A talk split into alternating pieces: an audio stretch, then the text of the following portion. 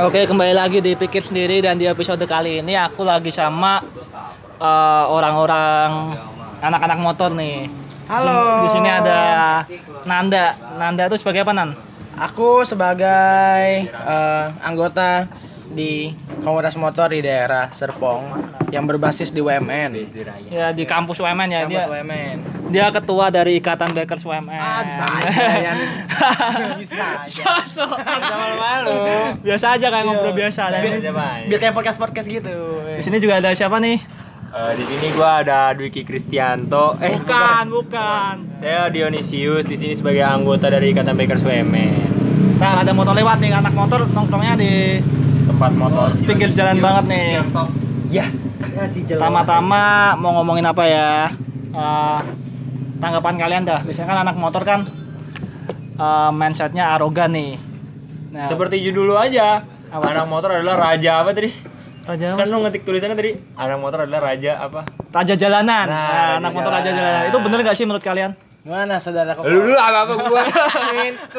Weh, enggak boleh. Nggak boleh ngomong kasar, kasar. Sensornya sulit. Panas anjing. Eh, gimana? Nah, Apa nih eh, tanggapan? apa bener tuh? Kan kalau di judul podcast, podcast ini kan aku pakai anak anak motor anak motor tuh raja jalanan. Nah, menurut kamu sendiri eh anak ja eh, blah, anak jalanan. Sebenarnya itu apa ya itu lebih ke stigma masyarakat tapi kalau gua rasa untuk sekarang udah nggak udah nggak berlaku sih kan gua bilang kalau raja jalanan. Karena memang kalau dulu sih emang eh, apa ya citra anak motor masih dibilang arogan sekali gitu kan. Kalau sekarang udah banyak eh, komunitas-komunitas yang pengen eh, ngasih penyuluhan kalau kalau anak motor tuh sebenarnya juga bisa berlaku baik gitu sih menurut, menurut gua sih seperti itu. Gimana kok? Kalau Kalau gua sedikit berbeda sih sama Nanda, tapi intinya sama. Eh, kalau gua melihat ya menurut gua oke kalau misalkan anak motor dibilang adalah raja jalanan, tapi raja yang mengayomi rakyat-rakyatnya. Gimana? Nah, maksudnya tuh. Nah, maksudnya gini. Kita itu di atas motor terlihat seperti gagah seperti raja ya kan. Tapi kita menghargai pe- pengguna jalan-jalan lainnya, entah itu pedestrian, pejalan kaki itu atau pengguna motor lainnya. Jadi bukan semata-mata arogannya, tapi dilihat bagaimana dia menghargai para pengguna roda 4 ataupun roda 2 yang lain. Pecak nggak pecak? Ya, tapi kalian eh, kenapa sih waktu itu emang suka motor atau apa akhirnya gabung jadi anak motor gini? Kalau gue pribadi sih apa ya? Udah dari eh, awal SMA sih kelas 10 gua kelas 10 gua udah mulai ikut komunitas-komunitas motor di daerah rumah gua. Itu karena memang hobi terus kebetulan pas masuk kampus di sini ada wadahnya juga terus akhirnya ya udah gue coba masuk ya alhamdulillah sih nyaman sih gue di sini sih Gimana kok? Kalau kok gimana kok? Kalau gua melihatnya gini, dari dulu emang gua kendaraan utamanya motor. Eh, jadi kayak udah streknya emang sama motor. Tapi itu baru suka motor tuh waktu dulu awalnya dibeliin Vespa kan, udah mulai otak-atik motor Vespa itu. Terus udah mulai kuliah, udah mulai kuliah kayak nih ada wadah nih namanya Ikatan Bikers WMN. Awalnya gue minder karena dulu cuma kayak yang lain kan motornya pada motor-motor tangki depan. Oh, dulu dulu motormu motor itu ya? Motor dulu Uh, Scoopy ya, Scoopy sama Scoopy. Vespa. Nah, sempat minder tapi ya udah jalanin aja tapi karena kekeluargaannya gue merasa dianggap dan diberdayakan. Oke, akhirnya tetap lanjut sampai sekarang. Emang di komunitas motor yang kalian ini sekarang harus motor-motor tangki depan semua atau gimana? Oh enggak, enggak sebenarnya enggak enggak tangki depan. Sebenarnya kalau di komunitas yang ki- yang gua sama Koko eh, apa ya? Ikuti. Iya, yang kita ikuti itu Yang kalian pimpin sekarang kali yang ya? kita Oh, boleh. Bisa aja ngewe-ngewe. Sebenarnya enggak sih, enggak enggak harus motor tangki depan kayak kita tuh motor beragam sih dari yang metik-metik. Cuman yang memang yang kita eh, punya rezeki lebih sih alhamdulillah bisa beli yang gitu. Sombong ya. Jadi kita emang di sini ngurang-ngurangin yang pakai Scoopy gitu. itu gua. yang punya podcast ini. Iya. Tapi harus pada nyetir motor sendiri atau ada yang boleh boncengan juga? Eh? Eh, enggak sih sebenarnya. Sebenarnya kalau di komunitasnya mungkin sebut merek enggak sih? Boleh. Ada, ada. terkenal. Bangsa, bangsa. ya, Eh panas anjing. Ada ada anggota juga. apa? Ada anggota yang nggak pakai motor juga emang ada. Ada sih. Jadi sebenarnya kalau di komunitas yang gua mau koko pimpin ini sih yes, ya, Ya, iya. aja. Jadi yang ya yang gua ikuti ini sih kok. Jadi eh, kalau lu nggak suka naik nggak nggak suka main motor juga tapi lu udah menjalan-jalan terus lu kalau emang nggak boleh bawa motor tapi boleh dibonceng sebenarnya boleh gabung. Kayak ada beberapa Kalau nggak bisa bawa gimana? Ya itu bawa lahir sih biasanya. Nah nah itu kalau misal itu sih boleh boleh aja semua buat join sini. Karena tujuannya ya mengincar eh, kekeluargaannya di sini. Kalau lu nyaman ya oke. Idem sama. Gitu. Pengalaman apa tuh? Eh, kan udah jadi anak motor udah berapa tahun ya? Udah satu dua tahun lah ya. Iya, Ada pengalaman mena- menarik gak tuh kalian? mungkin saudara kau kok bisa duluan Eh, kalau saya pengalaman menariknya eh, mungkin banyak. Jadi lebih ke di atas menarik malah lebih istimewa. Tahan, Jadi tahan, ada iklan dulu, ada iklan, Oh, ada transformer lewat. ada drag fuso ya, ada Bumblebee. podcast kali ini disponsori oleh Mitsubishi Fuso Semburannya gua. Lanjut kok, lanjut. Jadi saya itu eh, gimana ya pengalaman menyenangkannya lebih cenderung istimewa sih. Jadi saya sebelumnya nggak pernah lah jalan-jalan jauh naik motor. Paling jauh-jauh itu cuma puncak. Tapi semenjak ikut ibu ini, Iya, saya di, kan, di ya ikatan apa-apa. Women ini, saya merasa bahwa eh, orang-orang di sinilah yang membawa saya ke destinasi-destinasi baru. Saya orang Jogja, tapi waktu kemarin turun ke Jogja, saya malah menelusuri tempat-tempat baru yang sebelumnya belum pernah saya tahu, sekalipun saya orang Jogja gitu. Oke. Nanti kayaknya lebih menarik nih pengalamannya ada. Menarik nih. iya sih Jauh banget kayaknya. Di Jogja sama dulu mungkin pas SMA kurang lebih sama sih kayak Koko. Ya mainnya cuma puncak-puncak. Mungkin karena ketebara eh, izinnya belum ini ya. Cuman makin ke sini makin ke sini alhamdulillah eh, dua tahun lalu. Eh 2016 apa? 2017 eh, 2017 ya? Dua tahun lalu berarti ya? Iya. dua tahun lalu sih al- alhamdulillah gua sama teman-teman yang lain udah nyampe Bali waktu itu Widih. Wih lumayan ya sih. Nah itu bener-bener wah wow banget sih. Gue ngerasa kayak anjing gue kok bisa nyampe tempat ini akhirnya bawa motor gitu loh. Terus pas nyampe sana tuh, itu langsung langsung puas sendiri eh, hati gue tuh udah wah. Pokoknya lu kalau eh, kalau misalnya lu touring sih sekalian itu lu feelnya beda banget sih sama lu eh, jalan biasa doang apalagi kalau kalau sama rombongan tuh wow banget rasanya. capeknya hilang. Capek gak sih ke Bali gitu? Eh capek atau relatif sih kan capek sih. Apa ya eh, ketika lu capek sih sebenarnya kita nyantai jalan pas itu sih. Kita gua ber- berjalan dari Tangerang ke Bali tiga hari lah nginep di Jogja kan tuh. Nah itu nggak nggak capek karena pertama eh, kita eh, nyantai ya jalannya kan. Terus kedua juga apa ya eh, teman-teman juga eh, ngasih semangat gitu sih, ayo nan, ayo nan, terus nan. Kadang karena ada satu titik di mana gue kayak ngerasa anjing gue kayak "Anjing, nyesel banget nih mau ke Bali jauh banget gitu. Ngomong anjing. Oh maaf gitu, ya sensor wip, ya seperti itu sih. Eh, itu kan biasanya kalau kan saya touring gitu eh, jalan itu di motor sendirian gitu bosen tahu nggak ada yang ngajak ngobrol tuh ke cara ngilangin gitu pernah kan ngerasain kayak gitu pasti itu eh, kalian ngilanginnya gimana tuh Kalau dari gua sendiri sih, gua pernah ya, ya ini termasuk pengalaman unik juga sih. Dan gua tidak menyangka bahwa diri gua bisa melakukan hal ini karena sudah kepepet situasi di mana lu di motor udah sendiri, ya memang sama rombongan, tapi kan di atas motor lu itu kan lu sendiri. ya Nah, kan gua- nggak nggak ngobrol juga kan Nah, itu gue pernah yang namanya di jalanan itu dari Gombong sampai Gading Serpong itu cuma nyanyi satu lagu di helm gua tuh lagunya Guns N' Roses Don't Cry. Udah itu gua ulang-ulang mulu sama gua bercanda-bercanda aja lewat spion sama teman-teman gua. Tapi tetap seru. Oke oke itu berarti yang namanya raja jalanan itu ya nggak Iya. gebet-gebet di Iya, jalan itu gitu. bukan. raja jalanan ya keliling Jawa gitu Iya, lebih iya, bagus iya. Bisa menaklukkan medan-medan baru itu baru raja jalanan. itu baru anak motor Di- eh, mungkin sedikit info dari kita aja sih sebenarnya. Kita tuh tujuan kita juga eh, ik- eh, membangun komunitas ini juga ada tujuannya. Tujuannya yaitu ingin eh, apa?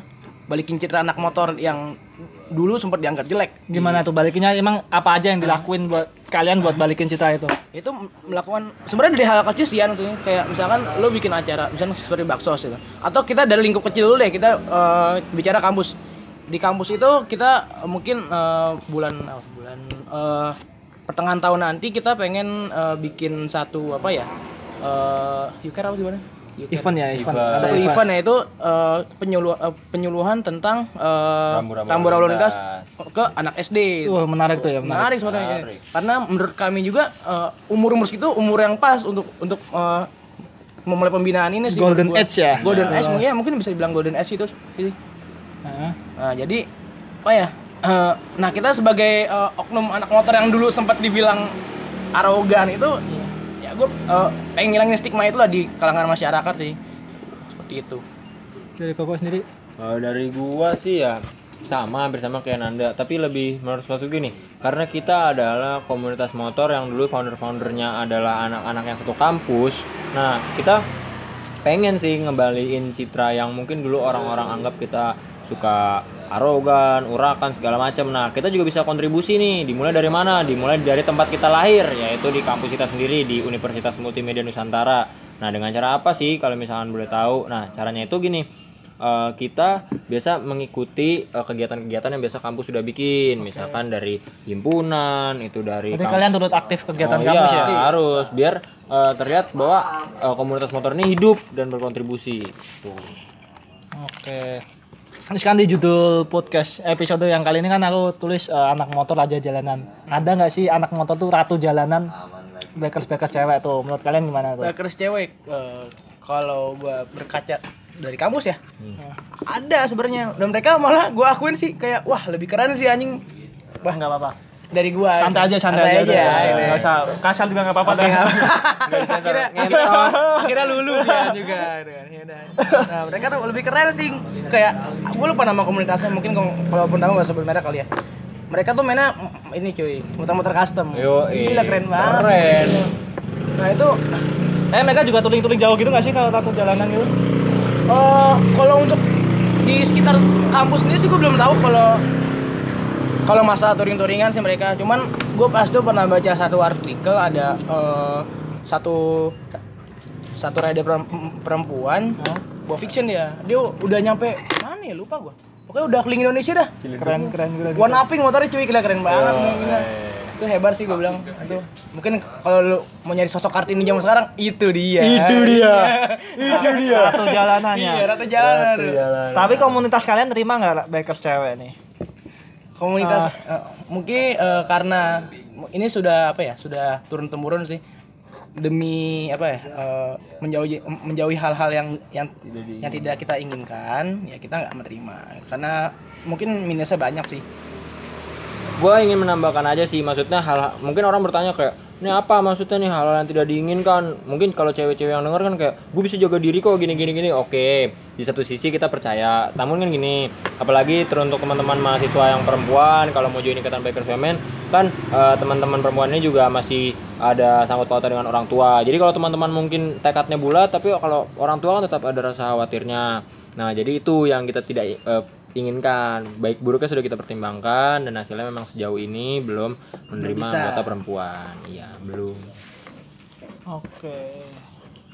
Gitu ya. iya paling ya apalagi apalagi nih. Kita eh gini dah. Eh, apa namanya?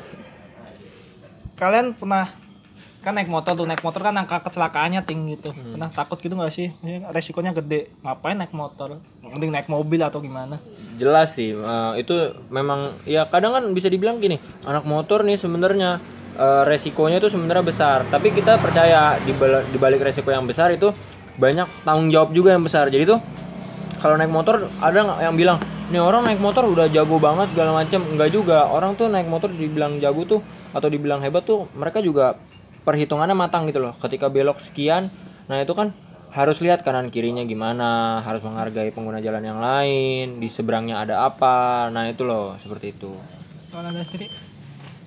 Kalau emang bahaya memang jelas banyak. Kalau, eh, kita lihat contoh kadang-kadang kalau kita gitu kayaknya kadang kita di depan gua tuh eh, pernah eh, sekali dua kali lihat orang iklan iklan lagi iklan. Iklan lagi ini ada raja jalanan lewat beneran nih. Ini aja yang bener. Jadi apa ya sekali dua kali pernah lah gue ngeliat ada orang jatuh depan gue dan lumayan parah itu cuman ya itu eh, balik lagi ko- eh, konsekuensi kalau kita main motor eh, jauh-jauh pertama. Cuman di balik itu eh, ketika lu sudah nyampai eh, tempat tujuan lu itu bakal ada rasa puas sendiri di hati lu sih. Menurut gue seperti itu.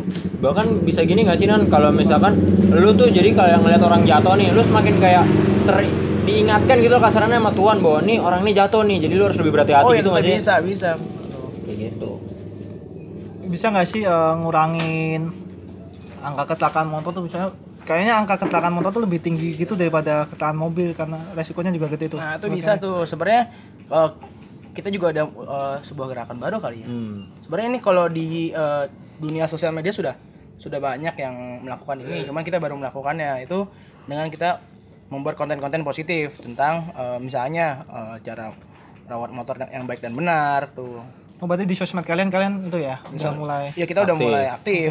Nah itu tuj- tujuannya juga apa ya? Untuk eh, mengurangi angka mungkin eh, kecelakaan atau ketika lu lagi jalan motor trouble itu. Ya, Itu sih. kalau dari gue sendiri melihatnya bahwa kalau menanggapi yang tadi saudara Ananda bilang tentang sosial media itu kita mungkin nggak bisa berbuat banyak. Mungkin kita nggak bisa bikin seminar yang gede-gede. Tapi kita nggak mungkin juga kita kayak beliin helm ke orang-orang satu-satu gitu. Eh, tapi kita mungkin hanya bisa kayak memberikan sedikit literasi media kepada teman-teman. Eh, gimana sih caranya merawat motor? Supaya apa? Supaya eh, nggak jadi kerusakan yang nantinya di jalan bisa mengakibatkan kecelakaan. Terus barang-barang seperti helm, sarung tangan, jaket yang eh, safety, Dan sepatu. dan sepatu yang menutupi mata kaki itu merupakan hal-hal utama yang penting untuk kegiatan berkendara motor. Itu penting karena apa tuh? Misalnya sarung tangan gitu kan kayak sepele banget tuh. Sarung tangan, sepatu kan sebenarnya sepele banget tuh tapi kenapa kalian bisa bilang penting tuh alasannya apa tuh? karena kalau gua naik motor ya mungkin kita harus mikir eh, apa ya ha- hal paling buruk kalau naik motor gimana misalkan sepeda kita katakanlah jatuh gitu loh dengan lu menggunakan eh, alat-alat safety misalkan tadi eh, Sarung tangan. sarung tangan jaket Sepatu. sepatu, ya itu eh, meminimalisir eh, luka di badan lu sih menurut gua seperti itu Benar. dan itu juga apa ya eh, sarung tangan tuh sekarang juga eh, apa ya modelnya udah udah udah bagus-bagus sih. Jadi lu make itu bukan bukan sekedar buat safety tapi juga Ada tuh buat sarung tangan yang kayak gitu. ibu-ibu masak gitu. Wah, itu jangan ditiru Gue mau menanggapi sih soal itu. itu. baru itu baru ratu Gimana jalanan. itu ratu jalanan. Malah gue kurang setuju dengan sarung-sarung tangan yang seperti itu. Kenapa Lo melihat bahwa itu sangat safety, terlindungi dan sangat mengurangi apa tangan lo jadi hitam gara-gara panas matahari malah itu salah. Lu bayangin kalau lu masuk tangan lu ke dalam handle motor lu terus bakal itu lebih sulit tuh. di- lebih sulit. Karena apa tiba-tiba lu disapa teman-teman mak lu ya kan lu mau ngangkat tangan lu secara nggak langsung nyangkut bos orang nempel begitu Dulu pernah tuh eh, motornya cewek aku kan, mantan-mantan. oh, yang mantap. Itu dia motornya kasih sarung tangan ibu-ibu. Sarung- sarung tangan oven Aku copot tuh ngapain pakai ini? Nggak guna banget gitu. Dan itu memang lebih sulit sih emang buat lebih sulit bener balik buat nyapa-nyapa. iya gitu. banyak banyak mungkin dia pengen bikin pastry kita tidak tahu. Nah, mungkin itu ibu-ibu mungkin mau belanja kastengel. Emang aneh-aneh sih sebenarnya. ya pokoknya ya ini apa mungkin ngasih tahu untuk eh, apa ya orang-orang di Indonesia khususnya ibu-ibu. Karena saya ngeliatnya sih Iya. contoh kasusnya sih ibu-ibu nih maksudnya. Kalau mau memang eh, apa ya lalu ada iklan. Kalaupun pengen eh, nggak mau gosok gitu ya beli sarung tangan yang kayak biasa aja kayak yang bahannya rajut gitu ada kan? Iya ya, gitu ada. Nah, itu. Itu ide siapa sih yang buatin sarung tangan kayak iya gitu? makanya sarung tangan oven gitu. Yang udah nyatu ya nanti ya memang kalau di kalau di Indonesia sih namanya mama emang udah raja di sini. Udah ratu. Itu udah ratu. Itu bukan ranah kita lah Pernah tuh di Pangandaran gila. Yang kita ke eh gue gak ikut orang darah Ah, gak ikut. Yang eh, kita kan satu rombongan tuh. Satu rombongan tiba-tiba ada ibu-ibu dari kiri mau belok ke kanan tuh. Mendadak wah kita langsung pecah pecah barisan. Bener-bener dia kan di tengah terus kita ke kanan kiri gitu wah dan dia dengan diem-diem gitu pasti merasa kayak gua nggak salah Iya, bener-bener. Itu ngeselin sih. ibu Terus kadang aku eh ntar. Ada kadang banyak juga nih naik motor pasangan cowok cewek. Cowoknya pakai helm, ceweknya nggak pakai helm dan menurutku itu cowoknya nggak sayang sama ceweknya. Karena kalau jatuh bisa bahaya di ceweknya, betul nggak? bener sekali sih gue bilang kan apa ya eh, lebih baik sih menurut gua kalau emang lu eh, helm cuma satu mending lu naik umum aja sih gue bilang sih karena Tapi kadang emang eh, yang gonceng ini misalnya memang mayoritas cewek-cewek ya itu eh, emang nggak mau pakai helm coy. Dia Oh, takut takut rambutnya rambutnya. bau lah, rambutnya rusak lah, gimana tuh tanggapan kalian? nah itu sebenarnya eh, apa ya tugas kita para para lelaki sih Para ya. lelaki, para ya lelaki kan, yang ya. buaya darat buset. Iya itu kita harus ngasih apa ya ngasih tahu lah kalau misalkan ya lu pakai helm bukan bukan biar eh, kok kalau pacar oh, lu kamu dong. Kamu ya kalau kamu tuh pakai helm tuh emang harus pakai soalnya biar aman. Ya kalau kamu lebih milih eh, rambut kamu bau apa? Apa otak kamu mencar? Daripada otak kamu benyek. gitu sih gimana saudara kau? Kok Kalau saya sih menanggapinya gini aja. Misalkan nih eh, lu eh, eh, anda semuanya nih kaum kaum hawa yang bilang takut rambut rusak udah pakai vitamin rambut segala macem. Nih caranya kasih tahu pacar kalian beliin helm baru.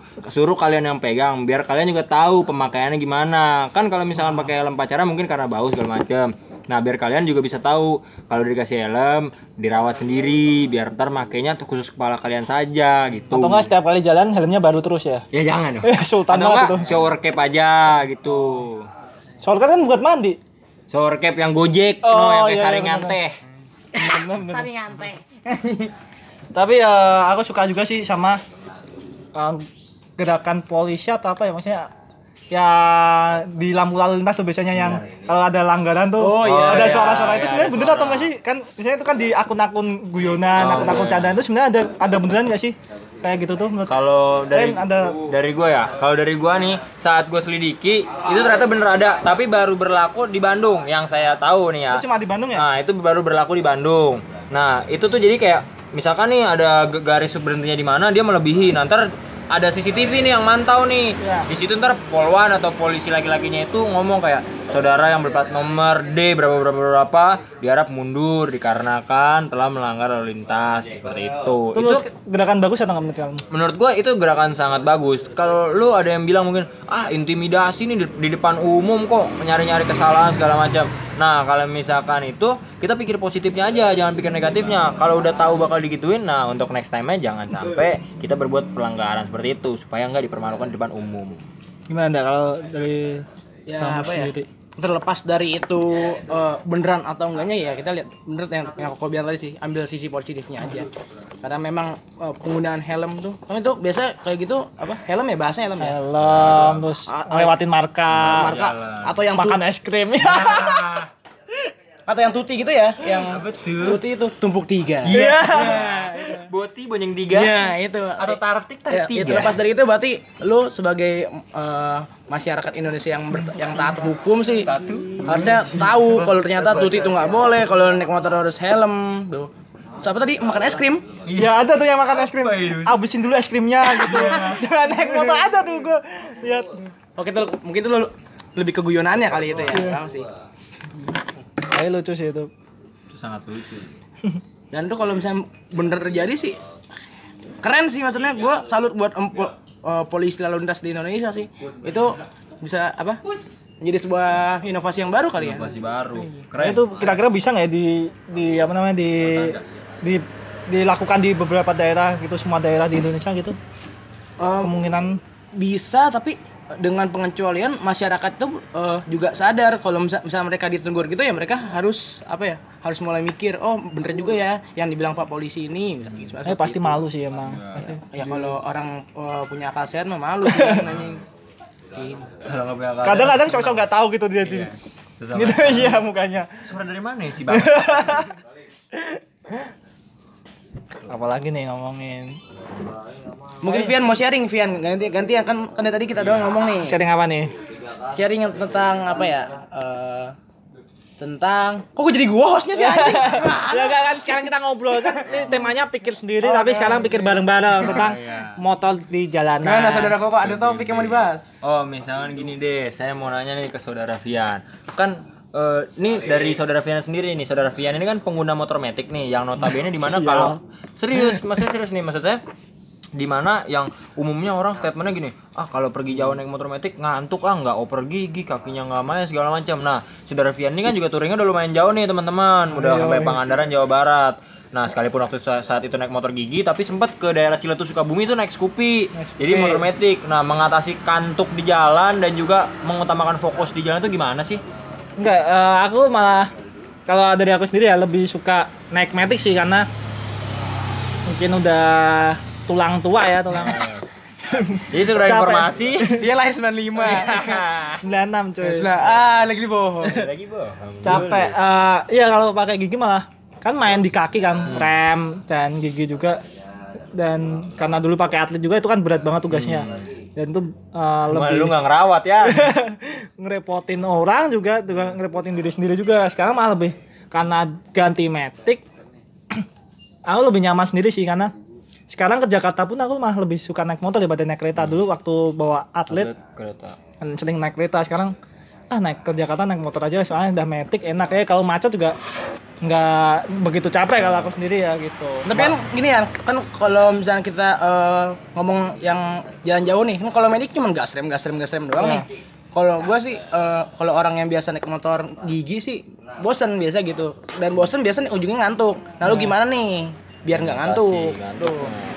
kalau ngantuk sih sebenarnya istirahat cukup ya istirahat cukup sebelum jalan ya cukup ya. saya waktu kecil itu tuh aku akuin aku ngantuk karena emang sebelumnya kurang istirahat dan lagi capek banget tapi karena pingin banget ikut touring udah siap-siap ikut touring ya udah jalan aja walaupun ngantuk. Dan saat itu pun juga boncengan kan jadinya Hmm. ada yang bisa gantiin gitu. Itu berarti buat buat buat eh, teman-teman apa kalau mau touring atau mau jalan jauh ya yang maksudnya kalau emang udah merasa dirinya kayaknya aku nggak kuat dah ya itu cari boncengan aja biar kita bisa gantian gitu Pokoknya jangan malu-malu ngomong. Ya itu itu yang penting banget ya di touring ya.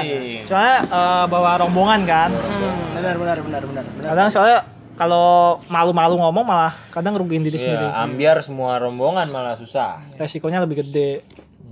Dan kadang nih aku juga lihat nih eh, pengguna motor tuh sebenarnya penyebab macet di Jakarta. Menurut kalian gimana nih? Bener atau enggak? Soalnya kan eh, motor tuh suka belok-belok belok-belok seliwuran gitu yang kalau dari sudut pandangku sendiri sih ya, nyebabin macet sih sebenarnya. Kalau Kalian punya pandangan sama atau enggak? Eh, menurut- kalau menurut gua sih ya bener juga sih karena ya lu kalau lihat contoh lu di Jakarta aja pengguna motor udah banyak banget Ya. dan orang beli motor apa sih eh, tujuannya buat apa sih? Lebih cepat ya? lebih cepat ya. Berarti ya emang itu bu- eh, bukan bukan bukan suatu hal yang bisa dipungkiri lagi sih menurut gua. Emang bener aja. Cuman balik lagi kita sebagai kalau lu paham naik motor eh, yang baik dan benar ya biasa yang ini ya yang bikin macet tuh ketika eh ada eh, trotoar nih misalnya nih kosong nih. Terus kita naik tuh ke atas tuh otomatis orang pada ngikutin. Nah ntar ada yang eh, dari sebelah kanan dia mau ke kiri tuh gara-gara cuma mau naik trotoar. Itu yang bikin macet biasa di Ketemuan iya ketemuan bikin bentrok. Nah kan namanya, eh, kita udah paham nih kalau kalau kalau kondisi Jakarta memang kayak gini. Ya udah dinikmati saja lo macet memang nggak bisa dipungkiri sih menurut gua. Gitu. Kalau koko sendiri gimana kok? Kalau dari gua ngelihatnya macet. Dari zaman gua bocah juga gua, gua lahir gua gede di Jakarta juga macet tuh udah ada. Tapi ya kembali lagi seperti yang Nanda, Vian dan gua udah bilang cari aja positifnya. Misalkan gimana nih dari kemacetan itu lo belajar gimana tertib berlalu lintas. Misalkan ada orang dari belakang lu tiba-tiba ngambil jalur kiri ngambil trotoar kasusnya misalkan yang kayak Nanda bilang tadi. Jangan diikutin tetap aja belajar sabar. Nah kalau misalkan lu terus kesel tapi kan kalau gua ngikutin lalu lintasnya malah gua macet nih. Ntar mau ada meeting di mana malah nggak nggak bisa nah dari situ lu belajar gimana caranya menggunakan kendaraan umum hmm, atau kalau mau misalkan ngincer waktu biar cepet ya lu berangkat lebih pagi lagi Nah. gitu boleh juga jangan sampai lu eh, karena lu ada kesibukan lu bikin eh, makin parah macetnya Oh, parah. gitu Gitu ya.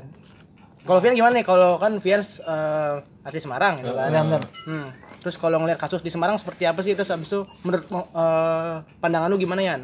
Kalau di Semarang sih eh, masih itu ya masih nggak nggak begitu sepadat di sini Jakarta. di Jakarta. Tapi ya itu aku punya pandangan bahwa motor tuh eh, biangnya macet sebenarnya kayak kalau misalnya hujan tuh hujan tuh biasanya kan motor pada seliweran tuh. Itu jalan jadi lancar karena mobil semua rapi gitu dan nggak ada motor kan. Ya emang kalau dari aku sih motor emang penyebab kemacetan juga sih sebenarnya. Kadang sembarangan nyetirnya gitu. terus sembarangan. Belok sana belok sini karena belok- merasa kecil di dirinya gitu loh. Jadi kayak kecil bisa seliuran selip kanan selip kiri malah dia sebenarnya penyebabnya kan. Oh terus ada nih ada topik yang lagi viral nih. Apa ngomongin tuh? tentang Apa tuh? Apa tuh? ngomongin tentang raja jalanan. Ada ini bukan raja jalanan sih kayaknya ratu jalanan nih kayaknya. Ibu-ibu naik motor ngangkat palang rel kereta api. Yang di video. pasti. Saya tahu itu. itu pasti itu itu adalah efek, itu adalah efek samping ketika kamu melanggar aturan aturan kawan. Itu merasa ratu jalanan banget Iya. dong emang banyak banget yang eh, pelanggar-pelanggar yang sewenang-wenang tuh gimana tuh? maksud gua kayak lu cuma nunggu kereta lewat paling paling lama berapa sih? Dua menit kan bentar doang kayak gitu. Maksud gua sabar dikit ya lu ngapain sih? Kecuali lu lu pengen buru-buru beli beli kubis gitu lo anjing Apa lobak lobaknya Pokemon? iya kan ngapain maksud gua lu pelan-pelan aja lah yang penting lu selamat sampai rumah biar keluarga lu senang itu Iya. ntar urusan kalau mau beli kubis ya ya tempat lain aja gitu. Kabar-kabar naik jam malu-malu kayak mas siapa aja. iya tuh kita mau ketawa kasihan Iya, tapi ya goblok tapi lucu, juga, iya. iya kan Bodoh dia. lucu emang pengguna motor tuh sebenarnya banyak kejadian-kejadian lucu kalian ada nggak kejadian-kejadian lucu gitu tentang pengguna motor gitu Hmm, kejadian lucu. Kalau misalkan dari gua kejadian lucunya adalah mungkin kayak gini sih. Kayak gua itu pernah hmm, ini lihat langsung nih atau gimana Enggak, ini gua malah yang mengalami. Mengalami ya? Gua mengalami. Jadi saat itu Ah, ini kembali lagi ke gimana caranya lo harus ngerawat motor. Saat itu gue sangat tidak mau mengurus motor karena baru merasa bahwa motor bukan bagian dari diri gue, tapi gue baru merasa bahwa motor itu kendaraan gue sehari-hari. Jadi baru baru kalau baru rusak baru, baru dibenerin kalau baru rusak. Nah saat itu saya lagi main ke Jakarta ke rumah temen, habis main pulang. Tiba-tiba knalpot motor Scoopy saya kok bunyi oblok oblok oblok oblok gitu kan.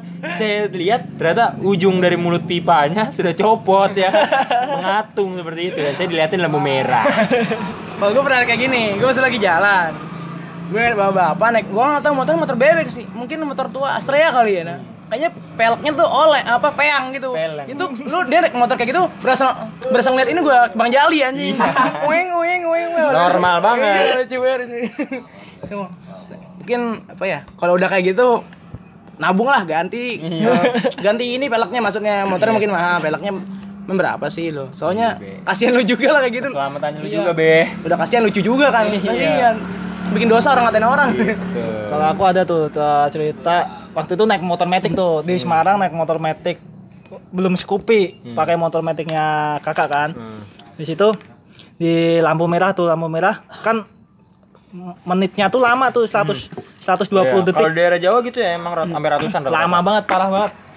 120 detik kan dan ah males nih. Akhirnya so-soan akhirnya aku standarin motor kan standarin motor. Sambil nunggu lampu hijau. Ketika detiknya udah 10 98 udah siap-siap tuh udah siap-siap. Nyet- eh, kontaknya aku nyalain dan udah mau starter kok nggak bisa. Panik kan mogok kan. Ini gimana gimana? Terus karena itu pertama kali pakai metik kan. Terus dari belakang ada yang yakin mas standarnya dulu baru nyalain. Iya. ya ternyata aku lupa standar Iya. jadi kan harus ternyata kalau di metik kan standarnya Iya, harus dinaikin dulu baru dulu baru bisa. oh dulu gue pernah nih. Tuh, tuh. ini ini itu goblok juga sih. Ini gue bingung eh, apa eh entah itunya yang rusak eh, atau gue yang emang aneh. Jadi gue pas itu ke daerah BSD malam eh pagi malam-malam tuh. Datang gue jalan terus eh, lampu merah. Itu posisi gue lagi goncengan sama teman gue Ya. udah, udah berhenti itu kalau nggak salah itu udah 10 detik apa? Berhenti kan gue berhenti itu. Habis itu gue ngobrol sama teman gue tiba-tiba gue cek ke apa ke eh, apa ya detiknya lagi masa nambah anjing Iya. Bang, iya oh iya tuh Iya, yang kadang ngomong kayak gitu nambah, Nambah anjing gua bingung tinggal sama satu sembilan sembilan. Iya anjing. Waduh, bingung banget gua. Itu tolong dah, itu kalau kalau rusak tuh nih meren anjing. apalagi kalau misalnya menitnya lama gitu pernah tuh menitnya lama berhentinya di belakang truk ayam Ini kejadian yang semua orang pasti harus merasakan. truk ayam tuh sebenarnya raja jalanan truk ayam Iya, iya. tuh, bener Lu belum anak motor banget kalau belum pernah di belakang truk ayam. Iya, apalagi kondisi macet. Wah, itu wah bau kotok tuh parah. Makanya kalian para para riders lah, hati-hati kalau truk ayam. Mendingan lu berhenti sih saran gua. Mendingan lu samping-sampingan atau enggak depanannya dikit. dulu kayak aku juga nggak pernah kan terus ada senior gitu ah jangan berhenti di belakang truk ayam emang kenapa sih akhirnya aku nggak sadar sendiri gila ternyata bau banget Emang sangat bau. Truk ayam itu sebenarnya problematika dari kemacetan. Ketika lo depan-depanan ke belakang-belakangan sama truk ayam, itu adalah masalah baru. Mungkin saran buat truk ayam kalau misalkan lo mau ngangkut ayam, semprotin ayam-ayam lo atau kandang-kandang ayam lo pakai Pusel atau nggak Spalding. biar wangi ya Ya tau kalian para juragan-juragan ayam potong itu lah. Kalian lah ini beli beli kontainer lah biar nggak bau. itu manfaatnya tuh ketika kita di belakang truk ayam tuh manfaat kita baru merasakan manfaatnya helm full face. Iya. Waktu itu soalnya kan aku sering lebih sering pakai helm full face. Jadi ya nggak ketutup banget akhirnya wah baunya semerbak. Oh sama ini ya biar bau lu beli apa balak lava. Oh benar, balak lava tuh penting ya? Atau ya penting itu atau buff itu karena apa ya? Eh, pertama sih biar eh, muka lu nggak pas nyampe tempat lokasi nggak nggak kotor-kotor amat. Iya. Dan kedua bikin anget sih gue bilang. Bikin hangat Bikin anget cuy, anget asli. Suasananya cocok banget sama Jakarta, anget banget. Tapi kadang aku bingung tuh kita udah pakai helm full face menurut gue helm full face itu udah ketutup banget tuh tapi ya ditambahin hel- la- balak lava itu ini menurutku nggak efektif banget eh bukannya bikin gerah ya itu Oh sama ini ya, sama biar helm lu nggak bau. lu. bau. Karena kan kalau panas Jakarta apalagi tuh keringetan kan. Iya. Ketika balak lava ntar keringetnya biar nyerap ke balak lavanya. Gue gue pernah bandingin, gue pakai balak lava, gue habis nyuci helm, gue bandingin pas gue pakai balak lava sama enggak tuh. Itu kalau nggak pakai balak lava lebih cepat bau. Kalau gue seperti itu. Gimana? Eh, gue mau menambahkan nih. Gue melihat bahwa ada satu masalah baru yang sebenarnya udah lama sih. Tapi ini sekarang baru tapi lama gimana sih Enggak, baru tapi lama. Nah, kenapa lu pada bingung kan semuanya? Ini masalahnya baru. Baru hangat-hangatnya, tapi sudah lama dia jadi masalah. Apakah itu orang-orang yang merokok di atas kendaraan bermotor? Wah, Nah, benar benar benar. Itu tuh. parah banget. Itu udah mulai ada larangannya. Udah ada larangannya, itu dia. Ya, itu larangan baru tuh, tuh. Menurut kalian-kalian ini gimana nih sebagai orang-orang yang berkendara di mot berkendara dengan motor dan juga ya kita nggak bisa dibohongin kita juga perokok. Iya. Nah, menurut kalian gimana? Eh, kalau gue dulu ya, gue sih ngakuin sih dulu sebelum eh, gue tahu larangan ini ya, dan gue awalnya belum nggak sama dampaknya sih, gue gue jujur aja nih, dulu gue pas kalau masih pakai helm Hafiz, gue masih suka masih suka ngerokok di motor, sambil misalnya mau ke kampus atau pengen nugas sama teman-teman gue gitu, terus gue ya apa ngelihat eh, di sosmed ada dampak-dampaknya ada yang matanya sampai merah atau yang sampai diperban tuh ada tuh itu. Wah gue mulai wah anjir nih. Itu bagi yang perokok sendiri atau pengguna motor lain? itu bagi pengguna motor lain. Pengguna motor lain, Ah, jadi kalau buang abu mungkin ya atau buang ba- bara kena mata tuh hati-hati. Makanya saran gue sih janganlah lu ngerokok lagi di motor. Tahan-tahan aja dulu. iya. Dulu pernah sih ya. Emang beberapa kali aku jadi yang ngerokok sih sebenarnya naik motor ngerokok. Terus waktu itu di masih di Semarang sih terus di diingetin sama mantan kan waktu itu dia. Janganlah naik ngerokok tuh ntar aja jangan waktu naik motor gitu. Dia paling benci banget kayak gitu. Makanya eh, emang sekarang pikir-pikir emang bahaya juga sih apa namanya bisa rusak mata orang gitu. Kalau kena abu gila juga gue juga males sih kayak gitu Kalau gua menanggapinya seperti ini sih. Pertama, dulu memang gue sangat suka banget. Kelihatannya kayak manusia paling bebas aja lu. Tidak bisa ngerokok sambil bawa motor. Tapi gue melihat lagi dampak-dampaknya seperti ini. Lu semakin dewasa, lu coba dah berpikir ngerokok sambil bawa motor. Wah, itu nggak nyaman banget coy. Lu lu ngerokok nggak nikmat karena abis rokok lu itu sama angin-angin di, di jalanan.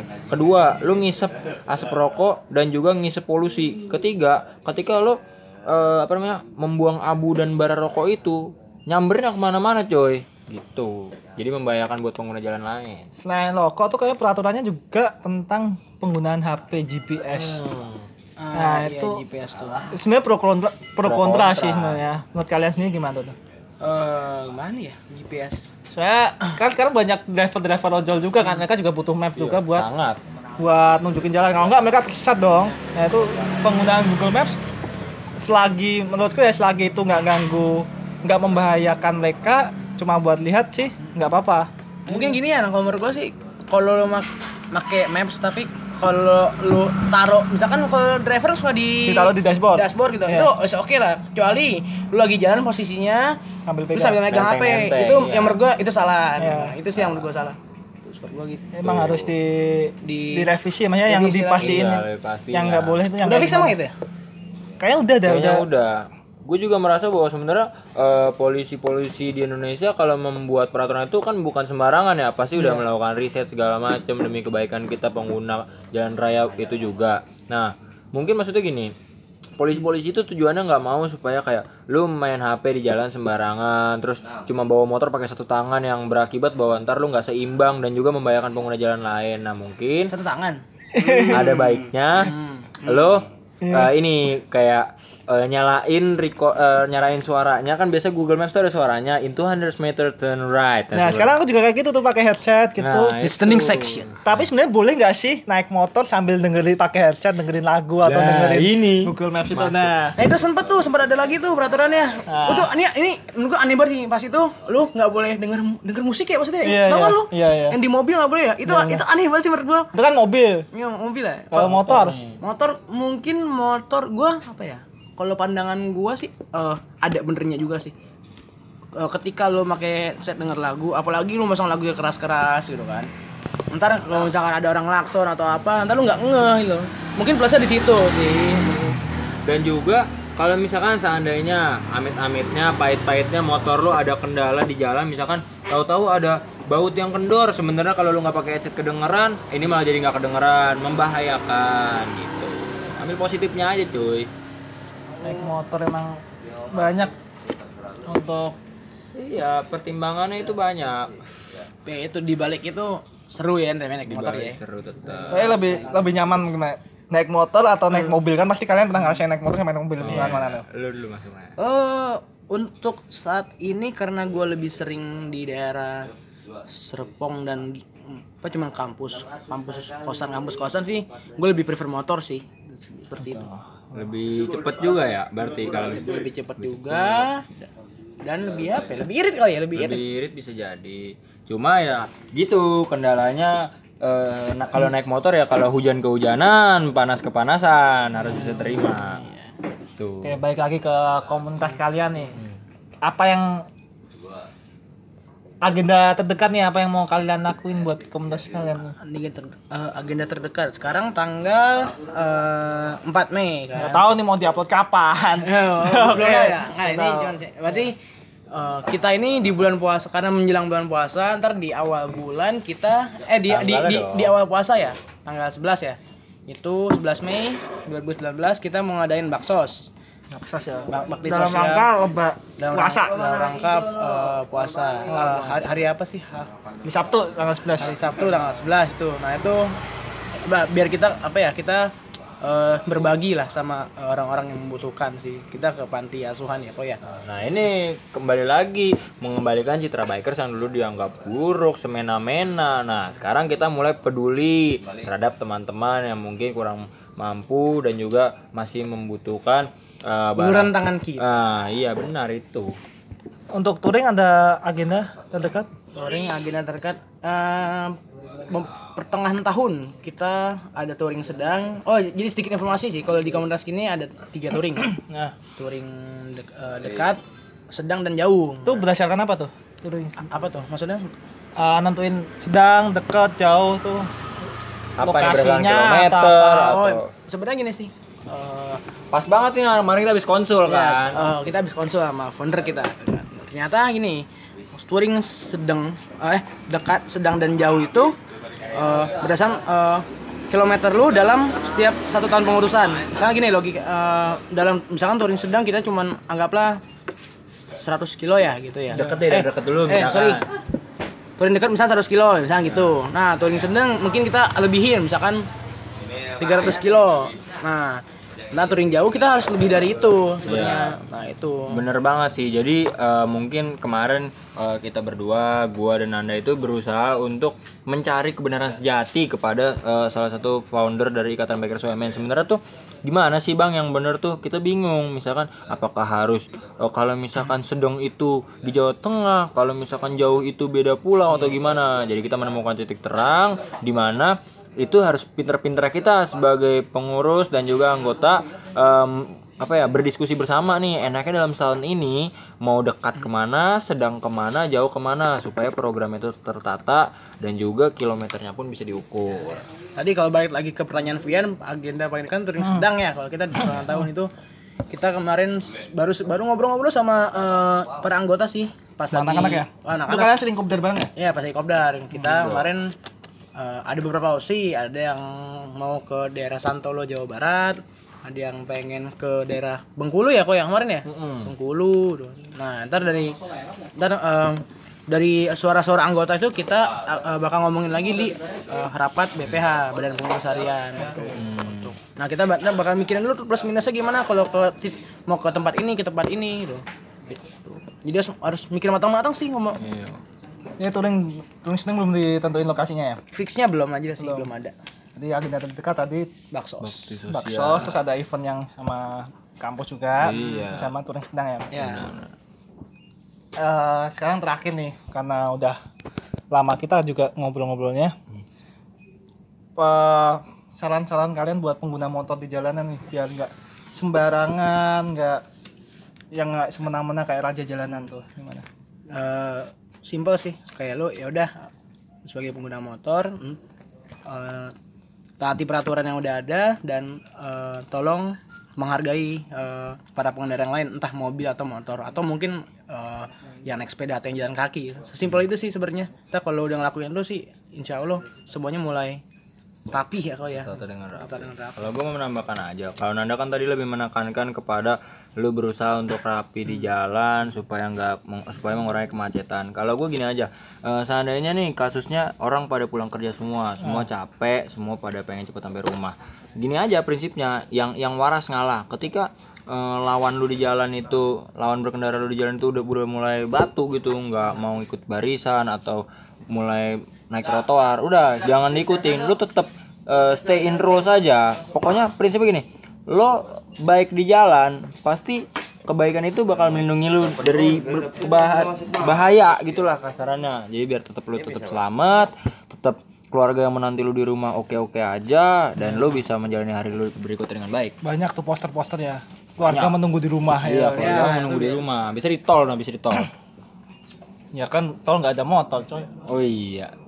Udah dah, makasih ya buat sama-sama. Nanda, buat Dionysius Siap. Koko yang mau be- menemani aku pikir sendiri di sini. Akhirnya nggak pikir sendiri pikir bareng pikir pikir bareng-bareng tentang raja jalanan oke? Eh eh, dulu, terakhir. Apa jangan tuh? lupa follow IG-nya oh eh, boleh Ibu. boleh boleh. Apa tuh follow? At official ikatan bikers OMN nanti kalian bakal lihat konten-konten bermanfaat insya Allah di situ. Ya, dan juga visual-visualnya sangat menarik dari tim-tim visual kita. Coba bisa dipantau, di-follow dan juga dipantengin terus. di mana tuh? at at official official ikatan bikers OMN jangan lupa like dan share ke teman-teman kalian tuh kalian ya bisa dengerin sendiri kalau ikatan Bakers Memen tuh komunitas yang mengembalikan citra Bakers ya Oke. Betul. Oke, eh, makasih buat pendengar setia. Tunggu episode selanjutnya dipikir sendiri dengan kemungkinan dengan orang-orang yang lebih inspiratif lagi. Bye.